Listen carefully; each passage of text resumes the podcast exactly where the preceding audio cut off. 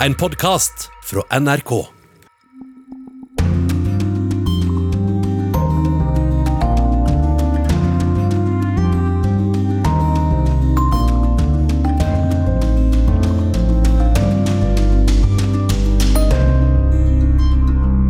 Koronaviruset skyter fart, og folk i flere land lurer på om de kan stole på tallene på smittede og døde.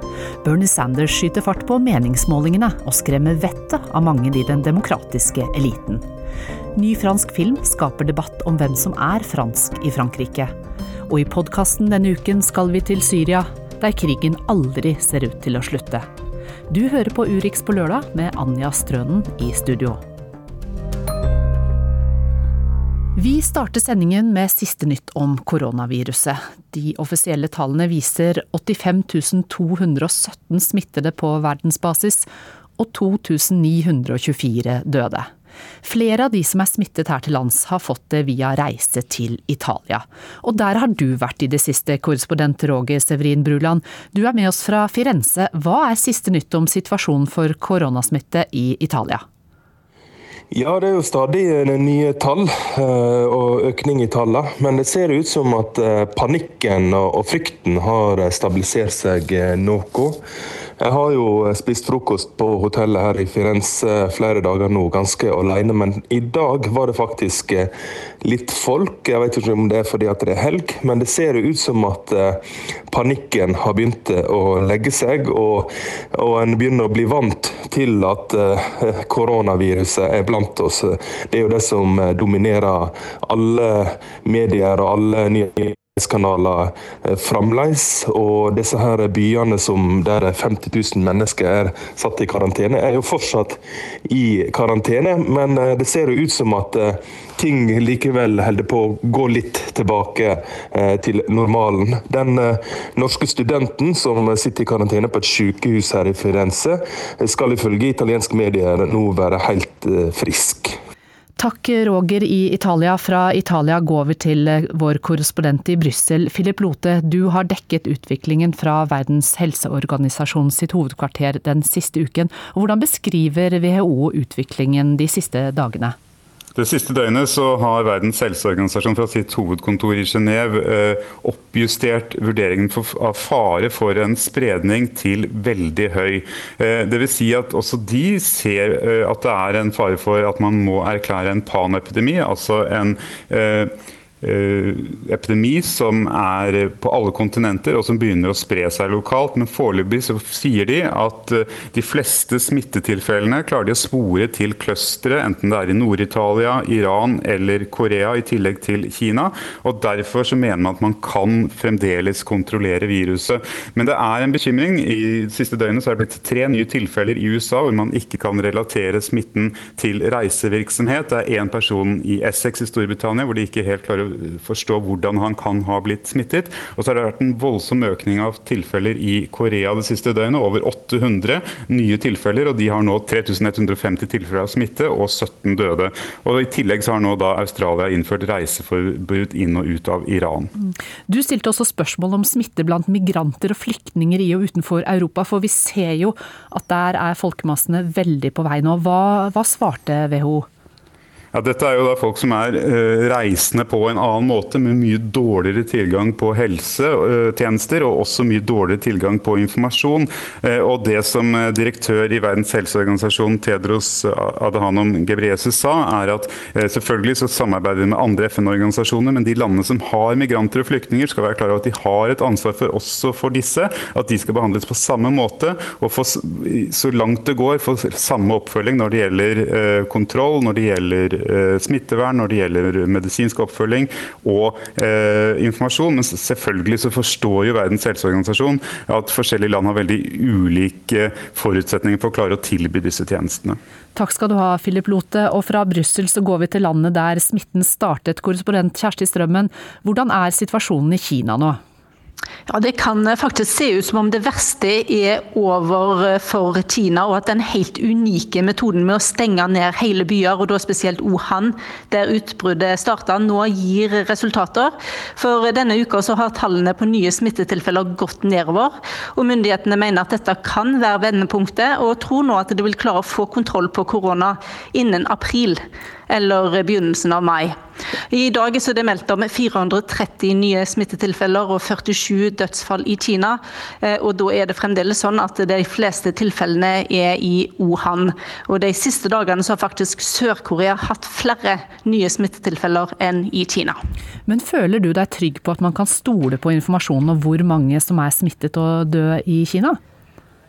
Tall er alltid vanskelig i Kina, ettersom det er vanlig at myndighetene holder informasjonen tett til brystet. Eh, nettopp dette var jo grunnen til at det ikke ble slått alarm om viruset umiddelbart, og er en av de aller største svakhetene med et regime som selv vil styre all informasjon.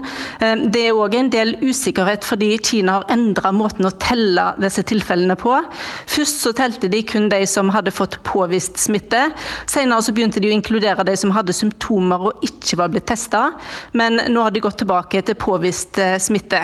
Og så er det usikkert om de milde tilfellene blir testa og inkludert i disse offisielle tallene. Og Derfor så er det en del forvirring om hvor mange smittetilfeller og dødsfall det faktisk har vært. Hvordan er det å leve oppi dette her i Beijing, Kjersti Strømmen? Ja, det er ganske spesielt. Eh, på min lokale matvarebutikk så kler de ansatte seg i hvite beskyttelsesdrakter, beskyttelsesbriller og masker. Andre plasser så bruker de eh, fjøler. De sender matvarene ut på og tar imot pengene i en kopp som de har festa på en pinne.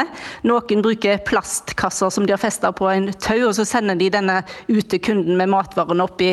Og dette gjør de jo for at de ikke skal ha fysisk kontakt med kundene.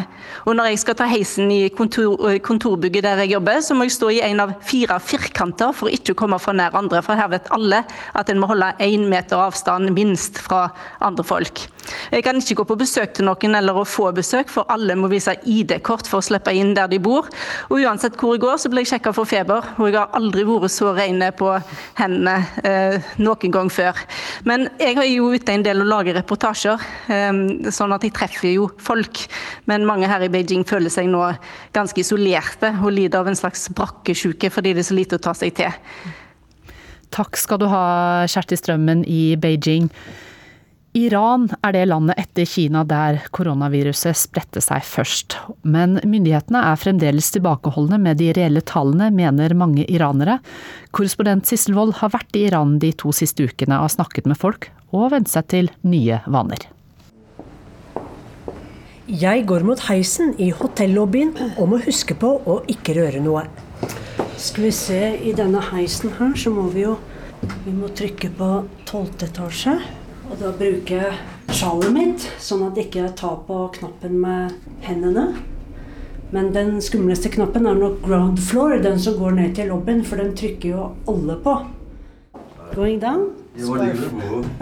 Tre hotellgjester kommer inn på vei ned, og vi står alle som saltstøtter i hvert vårt hjørne for å unngå å komme borti hverandre. Vi håper at ingen kommer til å hoste nå. I heisen står en ny pakke Kleenex, så folk kan bruke papir når de trykker på heiseknappene. Det er høyst uklart hvor mange som er smittet og har dødd i Iran. Det offisielle tallet er under 30 døde, og under 300 skal være smittet. På en kafé i Teheran treffer jeg Ati og Yasamin, begge i 20-årene. Som alle her snakker også de om koronaviruset. For me, it's like every uh, cold or influenza that you can get. You should just be careful. Jeg er ikke så veldig bekymret. Korona er som en vanlig forkjølelse eller en influensa. Men jeg gjør det jeg kan for å ikke bli smittet, sier Ati, som vasker hendene hele tiden. I wash my hand a lot. And do you think that you get enough information from the government? Uh, no, but I get it like from people. Jeg får ikke nok informasjon fra myndighetene, men jeg går på sosiale medier og hører siste nytt fra venner. Actually, I am afraid of it. I know it's like any other crisis that we've been through, but they say since we don't get uh, proper uh, information about it through our media Jeg er redd, for siden vi ikke får god nok informasjon fra våre statlige medier, må jeg finne fakta andre steder, som på sosiale medier. Vi får mye informasjon, men kanskje ikke sannheten, mener Yasamin. Hun er bekymret for foreldrene sine, for de er over 60 år. Sist mandag stilte Irans visehelseminister opp på statlig TV, tydelig syk. Han tørket seg med en papirserviett på pannen og hostet flere ganger. Mandag sa han at koronaviruset ikke var så farlig, og at massekarantene var unødvendig. Dagen etter gikk nyheten verden rundt. Visehelseministeren selv hadde fått korona. Og torsdag spredte nyhetene seg om at sju toppolitikere var smittet i Iran. Den kjente reformisten Mahmoud Sadeghi tvitret koronatesten min var positiv. Jeg deler beskjeden om at jeg har lite håp om å overleve. Sadeghi er en veteran fra Iran-Irak-krigen, og lungene hans er skadet etter gassangrep fra da. En annen er bydelsordføreren i Teheran, og en tredje visepresident Masume Ebtekar, som var tidligere talskvinne for gisseltakerne som tok gisler i USAs ambassade i 1979. I hotellresepsjonen møter jeg legen Reza Shahrami, som jobber med smittede koronapasienter nå. Uh, there are many uh, members of the government in Iran who has corona. Do you, th do you think that's right? Mm. I don't know. It's, yeah. it's uh, strange, but uh, maybe. But, uh, ja, det er veldig rart at så mange politikere står frem med smitten samtidig. Har de plutselig tatt testene, spør han med et smil. Skeptikere tror politikerne går foran for å vise at det går an å leve med viruset, enten de er smittet eller ikke, for å hindre panikk og hysteri. Enn så lenge vasker vi alle hendene våre hver time, lar være å håndhilse og bruker albuen for å trykke på heisknappene.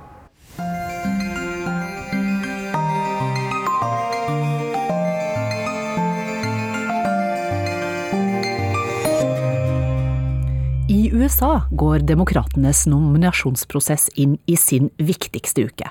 I dag skal velgerne i Sør-Carolina bestemme hvem de mener skal utfordre Donald Trump, og så kommer supertirsdag med valg i 14 delstater. Bernie Sanders leder, og skremmer vettet av mange i den demokratiske eliten. Men andre skjønner godt hvorfor han fosser fram, spesielt blant amerikanere med lav inntekt. Kollega Tove Bjørgaas er i USA og har snakket med noen av dem. Well, we live in a country right now where uh, 70% of the workforce earns less than $50,000 per year. The cost of childcare is at least $9,000 per year. The cost of a private room in a nursing home is more than $100,000 per year. There's no way that people can survive on the wages that they earn Vi bor i et land der 70% av arbeidsstyrken tjener mindre enn 450 000 kroner i året. Samtidig koster en barnehageplass minst 80 000 kroner i året, og en sykehjemsplass 900 000 kroner. Det kan bare ikke fortsette slik, sier Aijen Po. Hun står utenfor heisen i femte etasje i hovedkvarteret til Washington Post. Hun har nettopp tegnet og fortalt på et debattmøte om et av de heteste temaene i valgkampen situasjonen til de lavtlønte i USA. Aijen-po leder interesseorganisasjonen til arbeiderne som står aller nederst på rangstigen. We represent the workforce of mostly women who work inside of our homes. Like nannies or nannies, domestic workers. House cleaners and home care workers. Hushjelper, dagmammaer og hjelpepleiere som jobber på private kontrakter. union union,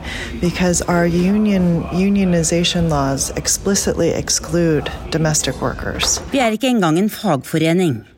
For lovene i USA forbyr de som vasker og passer barna hjemme hos folk å forhandle kollektivt om lønn, forklarer hun.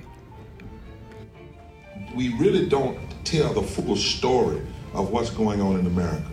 Levekostnader og forskjellene på folk er det store temaet i den demokratiske valgkampen.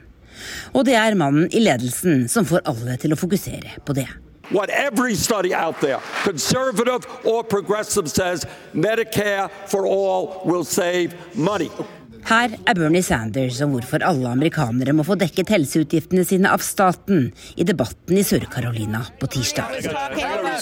Den kompromissløse 78-åringen fra Vermont håper å gjøre det bra også der i dag.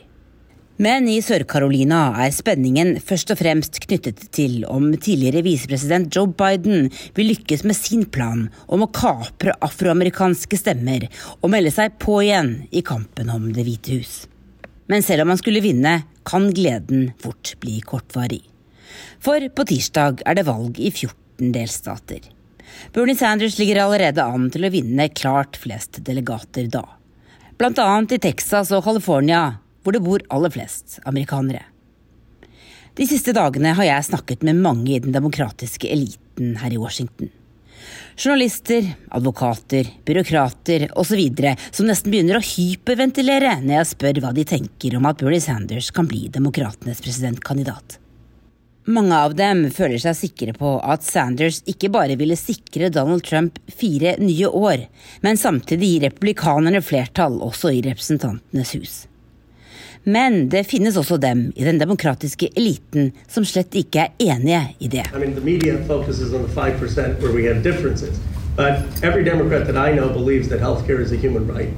I innlederstolen på forumet i Washington Post sitter også Ro Khanna. 43-åringen ble valgt inn i Kongressen fra California i 2016. Og ikke fra et hvilket som helst valgdistrikt.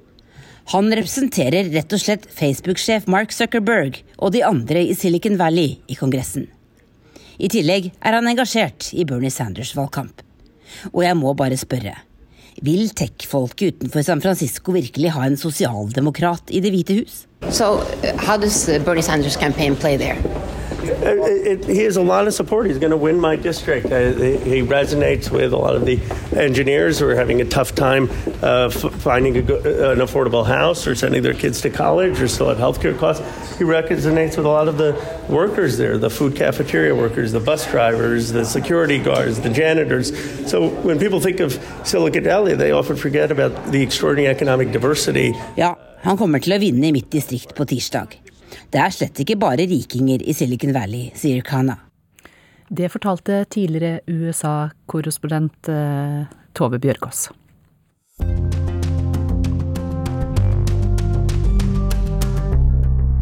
Denne helgen så er det premiere her i Norge på den franske filmen De elendige. Filmen som heter det samme som den kjente franske klassikeren til forfatteren Victor Hugo, skildrer livet i en forstad utenfor Paris. Og i dag så er avstanden til eliten og raseriet i folket skremmende likt.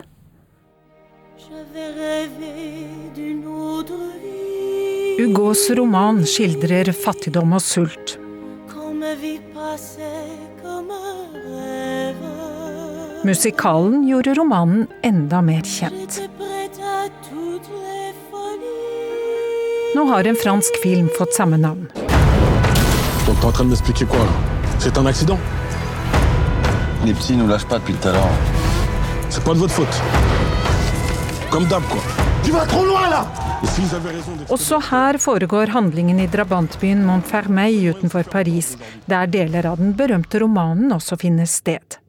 Mer enn 100 år senere er miseren fremdeles til stede, sier regissøren.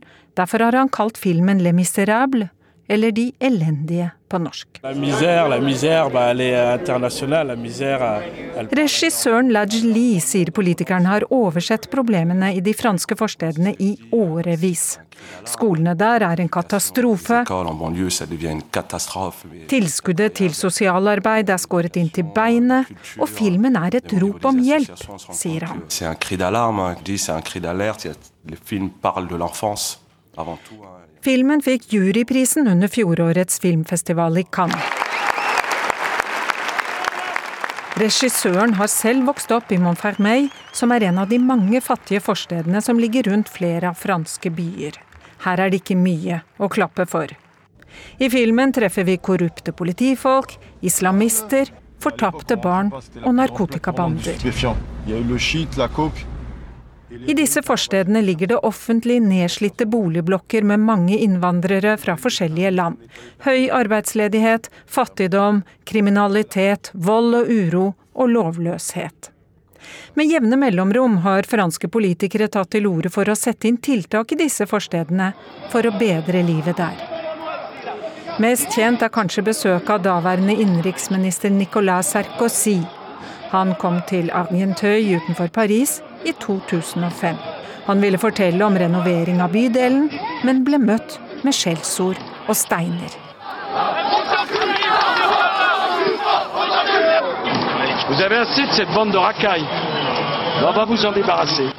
Pakk, ropte en sint Sarkozy, vi skal få ryddet opp her. Men nå, nesten 15 år senere, sitter fremdeles mange fast i en situasjon der de har få utsikter til å skaffe seg et bedre liv. Akkurat som de gule vestene har vi også protestert. Vi har vært de gule vestene i over 20 år, sier regissøren.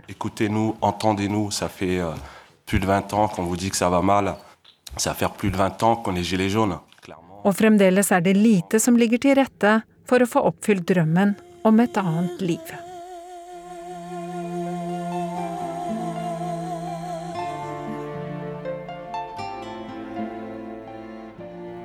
Reporter her var Marit Kolberg. Og vi skal holde oss til denne filmen og i Frankrike. Velkommen til Urix på lørdag, journalist Tove Gravdal. Takk skal Du ha. Du har skrevet og kommentert mange ganger her i NRK også, fransk politikk og samfunnsliv i vel 25 år. Og så har du sett denne filmen allerede to ganger. I går så fikk den fire priser i Frankrike. Eh, både beste film og publikumsprisen. Kan ikke du beskrive for de som ikke har sett filmen, hva er den, hva er den går, den ut, går, den ut, på?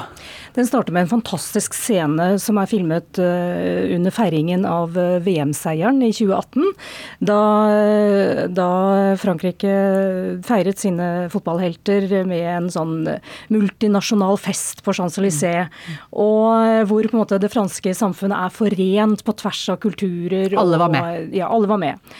Og så fortsetter den da med noen av de som var med på denne feiringen ute i forstaden eh, Montfermeil, der de da bor, eh, hvor livet til daglig ikke er så enkelt, rett og slett. Og eh, vi får et ganske sterkt innblikk i hvordan livet der er denne sommeren 2018. Det er en fiksjonsfilm, selvfølgelig, det er ikke noe dokumentar. Men, og det er Vi følger tre politimenn som havner i en situasjon som kan være ganske eksplosiv. Eh, de utøver politivold, og dette skaper en situasjon i denne forstaden som er eh, veldig, veldig dramatisk. Og det blir en konfrontasjon mellom politiet og eh, en gjeng unge gutter som, som illustrerer på mange måter hvor eksplosivt det kan være i disse miljøene i forstedene utenfor Paris. Ja, for Hva er det som gjør at den tar liksom dagens franske samfunn sånn på kornet? Fordi at den, denne filmen har fått masse oppmerksomhet. Ja, ikke bare ble den da kåret til Frankrikes beste film i fjor, i går. Eh, den er også sett allerede av to millioner mennesker, som er eh, helt enestående i disse Netflix-tider. Eh, og den, den, viser en del av det franske samfunnet som ikke er overeksponert i fransk kulturliv, for å si det mildt. Vi husker på 90-tallet kom det en film som het 'Hatet', som mm. var som en knyttneve inn i det franske samfunnet, og viste for første gang virkelig hvordan livet i disse forstedene kan være. Denne filmen er en slags oppfølger av hatet. Og til forskjell fra hatet på 90-tallet, så var denne laget av en mann som er vokst opp i dette miljøet selv, og som beskriver miljøet fra innsiden. Og han er i tillegg en veldig god regissør. Så det er en god film, filmatisk. Den har fått gode kritikker i uh, nesten alle franske medier. Og, og, det den gjør, er jo at den på en måte trekker til side den gardinen som veldig mange i Frankrike har, eh, som, som, skiller dem fra innsikt og kunnskap om eh, disse forstedene. Eh, som, vi, som, mange kanskje ønsker å liksom holde litt på avstand. Eh, men eh, det kan de jo på en måte ikke. I 2005 eksploderte det i forstedene eh, med et stort og langvarig opprør. og og situasjonen har jo ikke forandret seg nevneverdig siden da. Så det er liksom en sånn tikkende bombe i det franske samfunnet som det er nødvendig å vite mer om. Um, uh, hvordan er da det franske samfunnet blitt slik? Altså, Det kan jo virke som det ikke har vært noe utvikling? Det er et veldig godt spørsmål. Dette er jo, altså Frankrike har hatt høy innvandring gjennom mange år siden andre verdenskrig. Eh, til å begynne med var jo, eh, var jo, innvandrerne velkommen. De kom for å jobbe i, eh, i fabrikkene i Frankrike. Rundt 1980 kom eh, den økonomiske krisa. Og det førte til stor arbeidsledighet. Det førte til at parallellsamfunn utviklet seg. Eh, samtidig utover 80-tallet økte støtten om ytre høyre, nasjonal front, i Frankrike. Og dette førte til en slags polarisering og en, eh, et, eh, et parallellsamfunn som fikk utvikle seg med på en måte litt egne regler, hvor islamismen fikk eh, vokse frem. og og, og, det har skapt en situasjon i dag med høy ledighet og med store sosiale problemer som er veldig veldig krevende. Og Det grunnleggende spørsmålet her er jo spørsmålet om hva er fransk mm. identitet. Ja. Hvem er fransk her? Hører disse menneskene med i det franske samfunnet? Og Det er noe av det Lajli, regissøren, er veldig opptatt av. Mm. Han sa på pristildelingen i går at vi er alle franske. Og denne filmen handler om at uh, frihet, likhet, brorskap skal gjelde for alle franskmenn men. Dette er, eh, høres ut som en film som eh, enhver som bor i Frankrike bør se. Og ja, og alle som bor i Norge også. Ja. Det, er, eh, det, er, en vanskelig film å forstå på noen måter, fordi den har en del franske referanser. Men vi kjenner jo igjen noe av problemstillingen her i Norge også. Hvem er det som hører til i en nasjon, om du har en annen kulturbakgrunn, har en annen eh, religion eller religiøs bakgrunn enn det storsamfunnet har. Og det er jo problemstillinger som er alleuropeiske, og som på mange måter blir eh, veldig, veldig satt på spissen i det franske samfunnet, fordi det er så mange Eh, det dreier seg om. Det er jo rundt seks millioner mennesker som har muslimsk bakgrunn i Frankrike. Da skjønner vi hvilken film vi bør se på kino her i Norge også i helgen. Eh, tusen takk skal du ha for at du kom, eh, Tove Gravdal.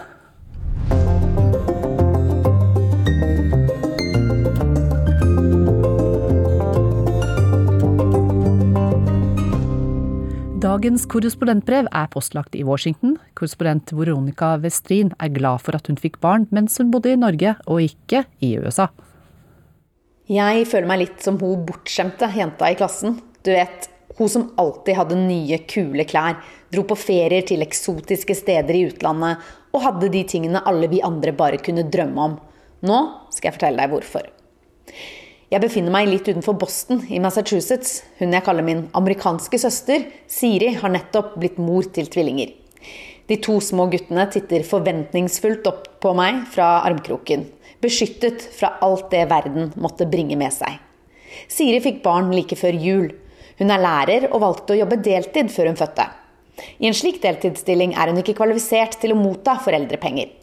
Hadde hun jobbet fulltid, hadde hun fått tre måneder permisjon uten lønn. Det blir sett på som en god ordning. Her er det nemlig mange som ikke har krav på foreldrepermisjon i det hele tatt. Kun 19% av amerikanske foreldre har tilgang til foreldrepenger gjennom deres arbeidsgiver. Siri har valgt å være hjemme med barna resten av skoleåret. Siden hun tok dette valget, har hun ingen garanti for at hun får jobben sin tilbake. Jeg kaller Siri for min amerikanske søster, for da hun var 15 år, så bodde hun hjemme i Kragerø hos familien min i et år. Hun er fadder til min førstefødte og har blitt Auntie Siri. Hun amerikanske tanta vi dessverre ser så altfor lite. Når jeg hører Siri fortelle og prater med mine amerikanske venner her, klarer jeg ikke å unngå å tenke på hvor godt vi har det i Norge. Ja, noen ganger lurer jeg på om vi nordmenn glemmer hvor godt vi faktisk har det.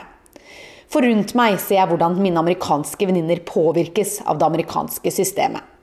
Min venninne Ellie er sykepleier. Hun fikk seks uker permisjon med 66 lønn fra jobben da hun fikk sitt første barn. Hun tok også ut 16 uker med ulønnet permisjon, som foreldre i Washington DC har rett til pga. en egen lov her. Den er bedre enn den føderale, som er på 12 uker ulønnet permisjon. Mannen til Ellie måtte bruke sykedagene han har opparbeidet seg da deres barn ble født. En annen venninne forteller at hun fikk seks uker med betalt permisjon. Mannen fikk én uke. For Siri ble fødselen hard, og hun døde nesten da hun ga liv til de to små tvillingguttene. Alle som har fått barn, vet at tiden etterpå er hektisk. Jeg kan ikke forestille meg hvordan det er med to. Mannen til Siri jobber, som amerikanere flest, lange dager. Det blir fort tolv timer utenfor husets fire vegger. Han har nemlig en sjefsstilling i et stort amerikansk firma. De er blant de privilegerte amerikanerne. De føler seg også heldige fordi hans firma har en svært god foreldrepermisjonsordning for fedre som han kunne dra fordel av. Han fikk seks uker med full lønn, og de klarer seg helt og holdent bare på hans inntekt, slik at Siri kan være hjemme med de nyfødte. Jeg tenker tilbake på min egen permisjon og mannen min sin, hvor heldige vi var. Til sammen var vi hjemme i rundt et år med full lønn.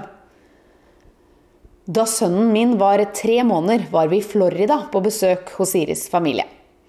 En av dagene like før vi skulle reise hjem, satt jeg på en kafé og ble servert av en hyggelig servitør som lurte på hvor gammel sønnen min var.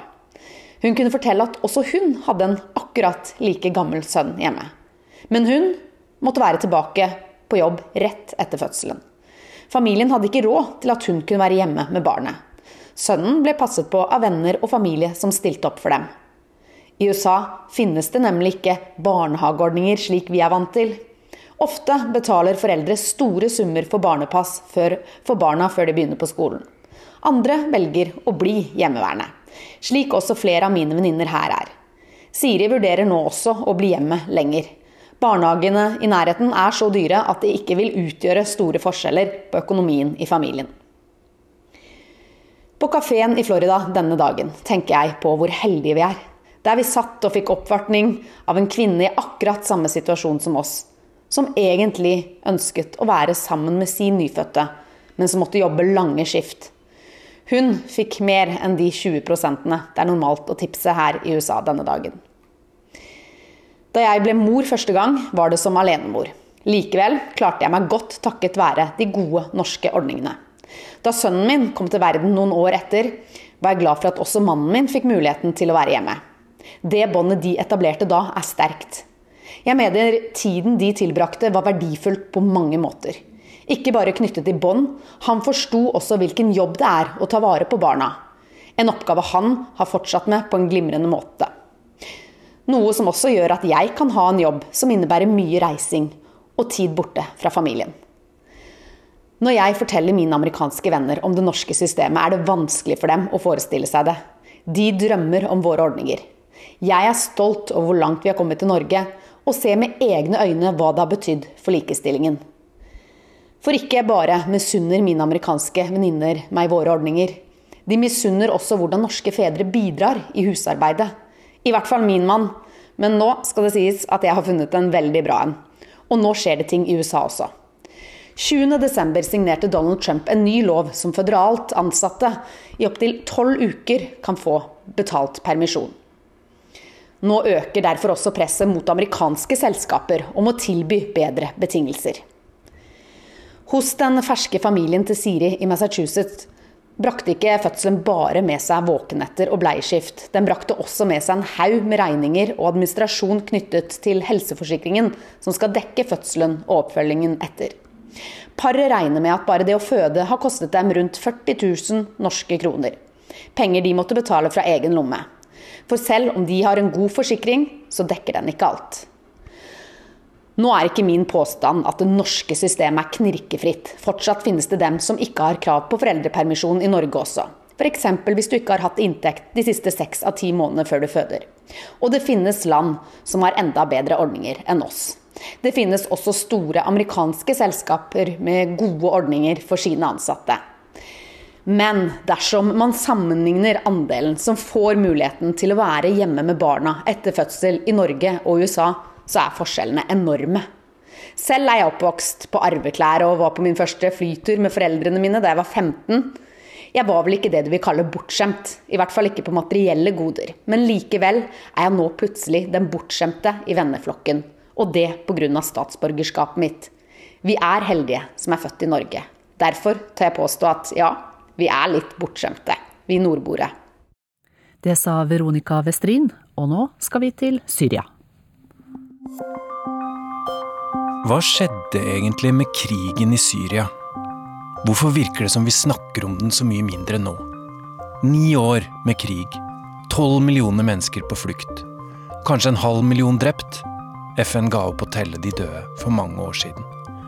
Og nå venter vi på det kanskje siste store slaget. Hva skjer med Syria da? Du hører på Krig og fred med Tore Moland. Nær én million mennesker på flukt fra kamper i Syria. Spedbarn dør i kulden, ifølge FN. Hei, Kristin. Hei. Vet du hva jeg fant ut, eller? Vi har ikke lagd en eneste podkast om Syria. Nei.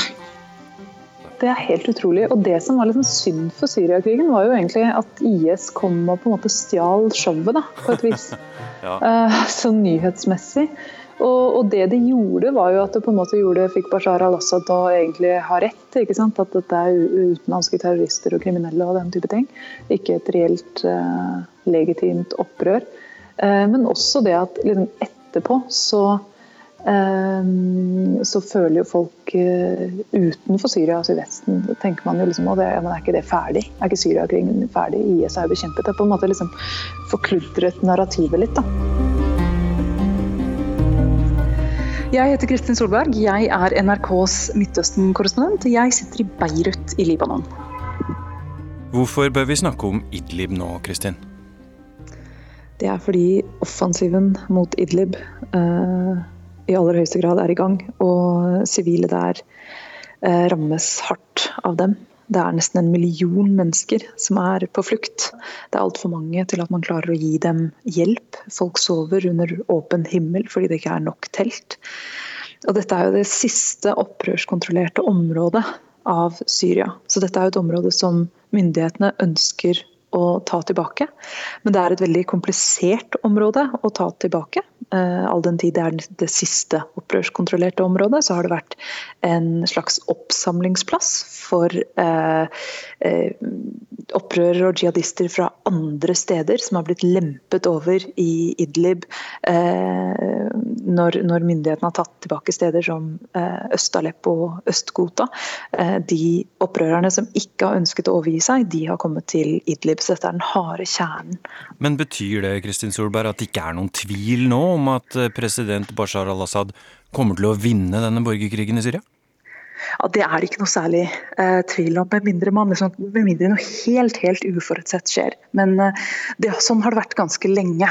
Eh, faktisk helt etter at ja, etter at Russland kastet seg inn i krigen på, på, myndighetenes eh, side i 2015, det var et slags vendepunkt. Siden det så eh, gikk det bedre og bedre for myndighetene. Eh, og i hvert fall etter at de tok Aleppo Øst-Aleppo.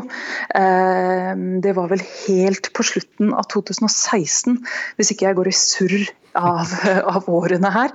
Eh, etter det så var det nok et vendepunkt, og man begynte å snakke om at nå er det begynnelsen på slutten av, av opprøret. Blir det riktig å si Kristin, at da IS ikke var den store trusselen lenger, og da Russland og Iran Eh, gikk inn for å støtte Bashar al-Assad, så slutta vi i Vesten å bry oss så mye om Syriakrigen? Jeg tror det. Eh, det har vært en av de tingene som på en måte, for meg som korrespondent som bryr meg veldig om Syriakrigen. Ja, merker det du det, rett og slett? Ja, jeg merker det. Jeg merker er vi mindre og, og, interessert, vi hjemmefra? Veldig mye mindre interessert. Det er dere i forhold til hva, eh, hva dere var for fem, seks, sju, åtte, ni år siden. Én ting er at man er krigstrøtte, at man blir lei av det. Og så tror jeg også at bildet etter hvert har blitt så komplekst at det er vanskelig for folk å skjønne det og sette seg inn i det. En ting som, som, som kanskje er litt dumt, men, men det er nå engang sånn at det er mye lettere å skape interesse for en krig hvor det er eh, type to sider, én side er ond og én side er god. Men, mens her er det bildet så eh, mye mer komplekst enn som så. Slik at eh, Jeg tror, tror, også det har vært litt sånn at folk har sluttet å bry seg fordi det har vært så mye å sette seg inn i.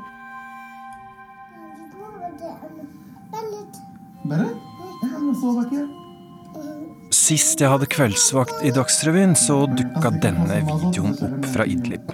Det er en far med et mobilkamera og ei datter på tre år som leker en lek i sofaen.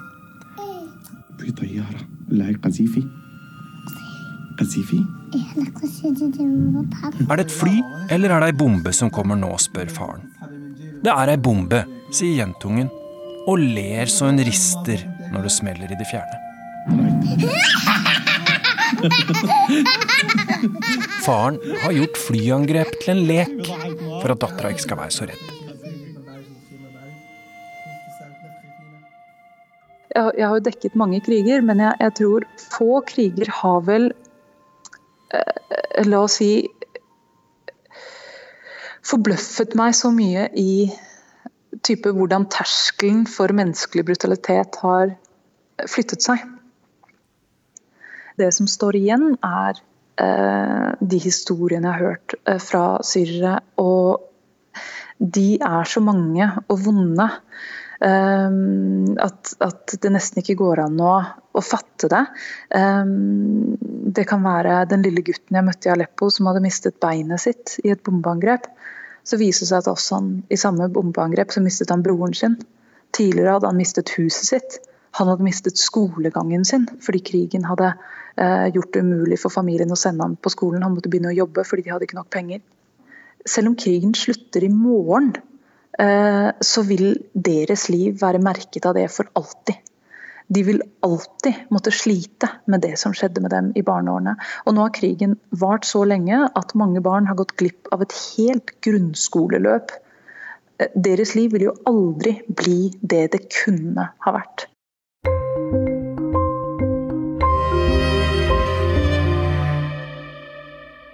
I Midtøsten så Man er jo vant til at det handler om krig og konflikt, og at eh, det er stort sett dramatiske nyheter som kommer der nede fra. Men, men kriger av den størrelsesordenen her er sjelden vare. Uh, nesten halve befolkningen på flukt. Uh, altså Den har jo revet opp i, i familier, uh, i verdensbilder. altså Den har gjort veldig mye som har preget Syria, selvfølgelig, men også, også, også hele regionen. Jeg heter eh, Sigurd Falkenberg Mikkelsen, eh, er nå utenrikssjef eh, her i NRK, og var tidligere korrespondent i Midtøsten da krigen i Syria begynte.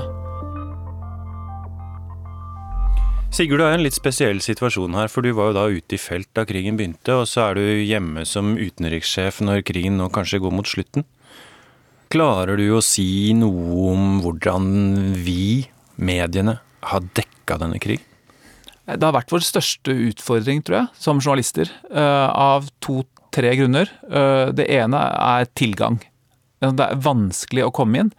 Eh, på regimesiden så kan man søke om visum, men i hvert fall etter hvert som krigen gikk sin gang, så ble, var det veldig tett oppfølging fra myndighetene. Dette er et, et regime med sterke uh, etterretningsorganisasjoner, uh, så man måtte være forsiktig både på egne vegne, men også særlig på kildenes vegne hvis man var i den delen, og man kunne ikke rapportere fritt i klassisk forstand. Eh, på opposisjonssiden i begynnelsen så var det jo, eh, kunne hvem som helst reise inn. Eh, men etter at IS og islamistgruppene og også de kriminelle nettverkene fikk satt seg der, etter, sånn, etter et års tid, så ble det fryktelig vanskelig å rapportere derfra også. Så jeg tenker at vi som journalister har hatt en kjempeutfordring. I tillegg så merka vi et, et en omdreining da russerne gikk inn, uh, hvor dette ble også en del av den globale informasjonskrigen. Så, så det har vært, vært, en serie med utfordringer i å prøve å dekke denne krigen så redelig som mulig. Er det noe av det samme som gjør at det har vært vanskeligere å bry seg etter hvert? Jeg tror nok vi uh, Altså, ja. Og så er det jo også sånn eh, at når en krig har vart lenge nok, så det er brutalt å si det, men det mister jo på en måte litt nyhetens verdi. Eh, og da tenker jeg det er vår oppgave å følge opp og ikke gi oss, eh, og så stå løpet eh, sammen med hendelsene. Men, men, det er klart at jeg skjønner jo også at folk kan bli, bli slitne av den samme type nyheter, for det, det er jo et mønster her. Sigurd, klarer du kort å forklare oss hvorfor det er Russland og Iran og Tyrkia som nå er de utenlandske aktørene som på sett og vis avgjør Syrias eh, videre vei? Ja, først og fremst fordi eh, Vesten valgte å trekke seg bort, eller ikke valgte å gjøre nok. Eh, det var veldig mange halshugende eh, viser. De berømte røde linja som Barack Obama trakk opp, som han da ikke fulgte. Og vest, de europeiske vestmaktene med Storbritannia og Frankrike i spissen gikk jo inn og støttet opposisjonen, men ga det ikke nok støtte til at de hadde noe realistisk mulighet til å styrte regimet. Og så er det sånn i politikken, da, at, internasjonal politikk særlig, at når noen trekker seg ut, så blir det ikke stående tomt. Så da så russerne, tyrkerne og iranerne en gyllen mulighet til å opprettholde sine allierte i regionen og få mer innflytelse. Og for Russland så har jo dette vært en, både en gjeninntreden i Midtøsten, men også som en global maktaktør. Ja, Karsten Tveit, mangeårig korrespondent i Midtøsten. Velkommen til Urix. Eh, hva vil du tro er Dette her er fra Urix i mars 2013. Da hadde opprøret i Syria vart i to år allerede. Christian Borch spør Odd Karsten Tveit om han ikke tror at det syriske regimet er i ferd med å falle nå. Jeg husker det svaret som kom. Det overraska til og med oss som hadde vært med å lage programmet. Eh, ingen er sterke nok, eller vil bli sterke nok til å ta Eh, få seieren. Eh, og dette med at Assad skulle forlate og gå av, som vi nå har hørt i, i, to år, tror jeg ikke er aktuelt. Vi må, vi må se denne borgerkrigen kanskje i et tiårsperspektiv.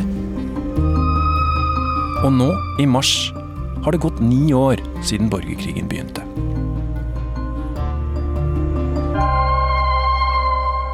Sånn. 1, 2, 3, 4, 5, 6, 7, 8, 9, 10. Og jeg har alltid hatt en erfaring med at jeg blåser ut mikken, for jeg ble så ivrig. Men kanskje det går her. Hva skal du si i dag? Hva sa jeg? Nei, eh, jeg har hatt en regel om aldri å spå om fremtiden i Midtøsten. Man tar ofte feil når man ser fremover. Jeg ser det at, at, man skal være forsiktig med å spå.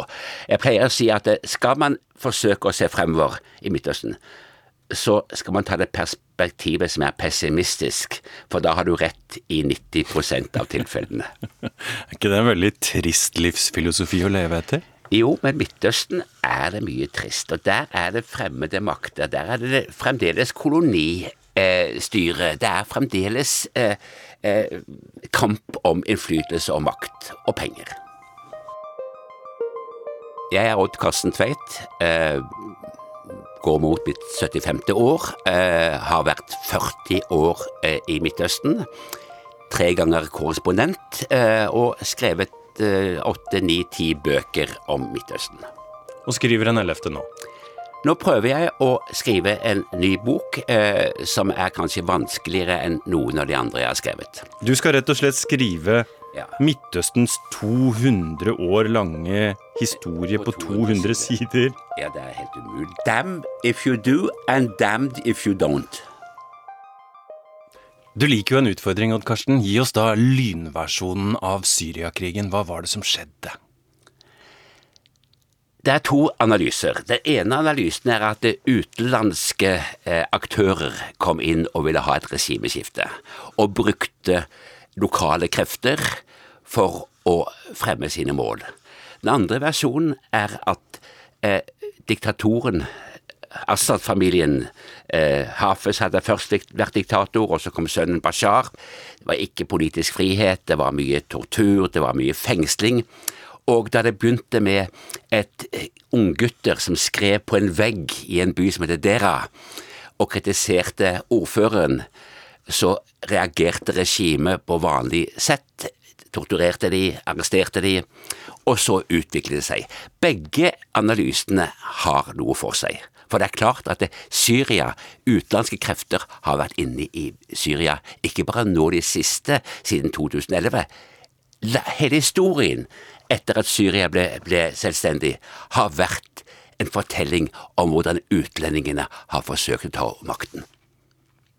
Hvordan vil du skildre dette i eh, boka 200 sider om eh, Midtøsten de siste 200 åra? Hvor mye plass får Syria og krigen der?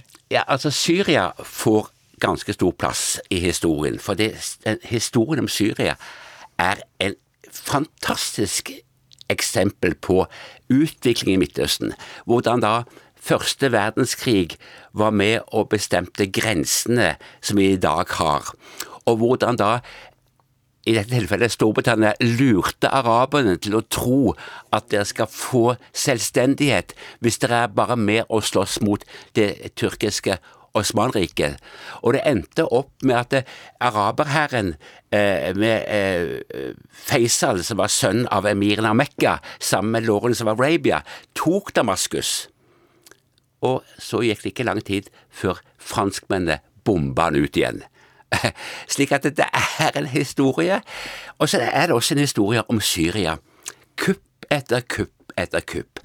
Før da Hafez el-Assad kuppet makta i 1970, og hans familie og alawittene har senere stort sett holdt kontrollen. Og det har vært beinhardt. Knallhardt. Det er mange som sammenligner Hafez al-Assad med, med Don Corleone i Gudfaren. Drapene er ikke, er ikke personlige, de er politiske. Kynisk spill hadde vært en mester i å spille Hafez al-Assad. Og nå ser det ut som at sønnen, som alle trodde skulle være, komme inn og føre ny politikk, som lovet demokrati, lovet business, han ble styrt av den gamle eliten. Og alawittene de slåss også for sitt eget liv. De er bare 15% av Syrias befolkning. Det er sunnimuslimene som dominerer, så de vet at det enten er det å miste alt eller overleve. Det har vel noe også med bakgrunn for at Assad-regimet har brukt forferdelige metoder i sin krig mot opprørerne, der det har gått veldig hardt utover sivile.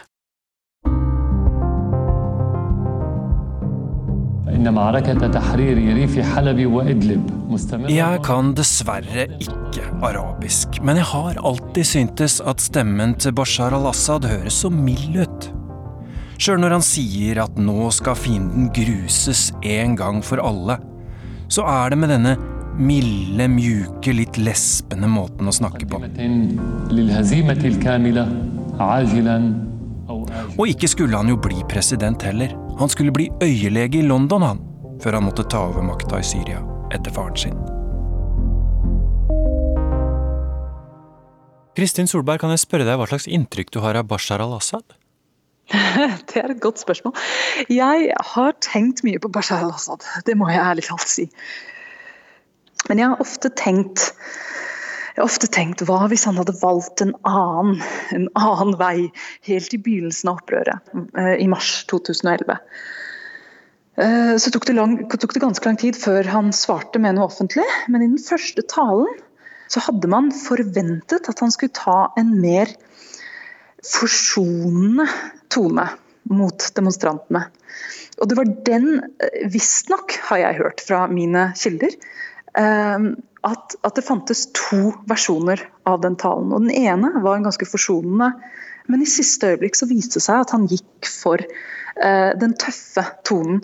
Og av mange så blir det sett på som en slags La oss si et slags kupp av de eh, mer hardline fraksjonene innad i regimet over de mer moderate kreftene. Kristin, jeg husker jo at du har snakka om dette opp igjennom, men går det an å si noe om hvilke syrere som havna på hvilken side, for og imot Bashar al-Assad? Og det er et så interessant spørsmål. Jeg har tenkt på det eh, mange ganger. Det er nok eh, litt vilkårlig. Eh, så er det nok også etter hvert også blitt litt sekterisk. Forklar. Eh, og dette blir, en, dette, blir en, altså dette blir en, grov eh, forenkling, en grov generalisering, bare så det er sagt.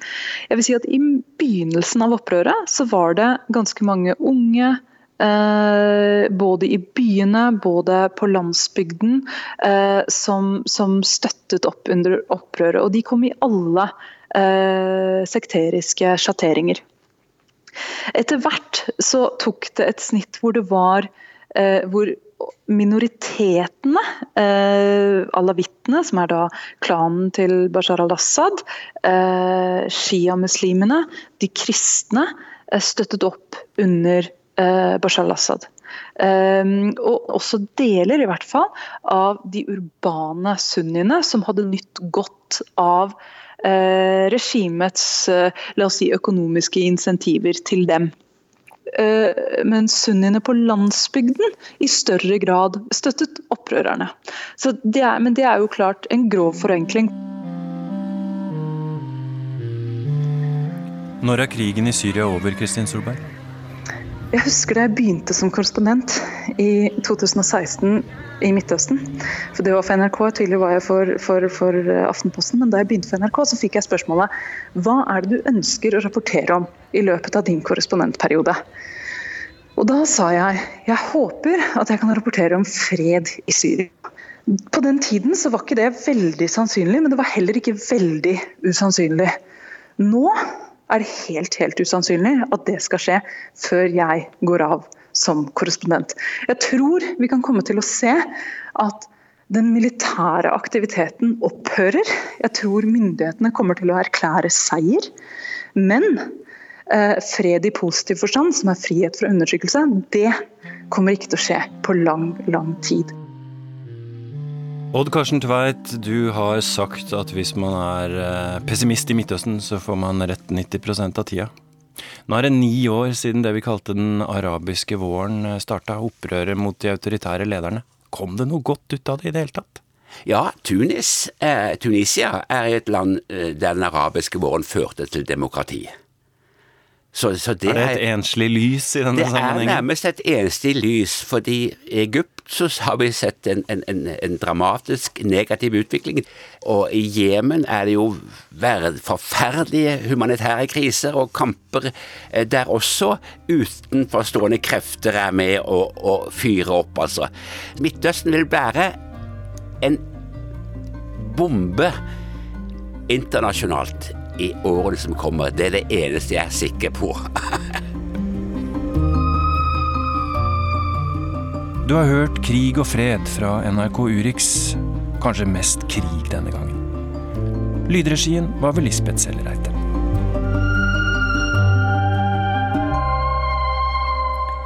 Teknisk ansvarlig for sendinga Hilde Tosterud, produsent Sindre Camillo Lode og jeg, Anja Strønen, takker for laget med Urix på lørdag.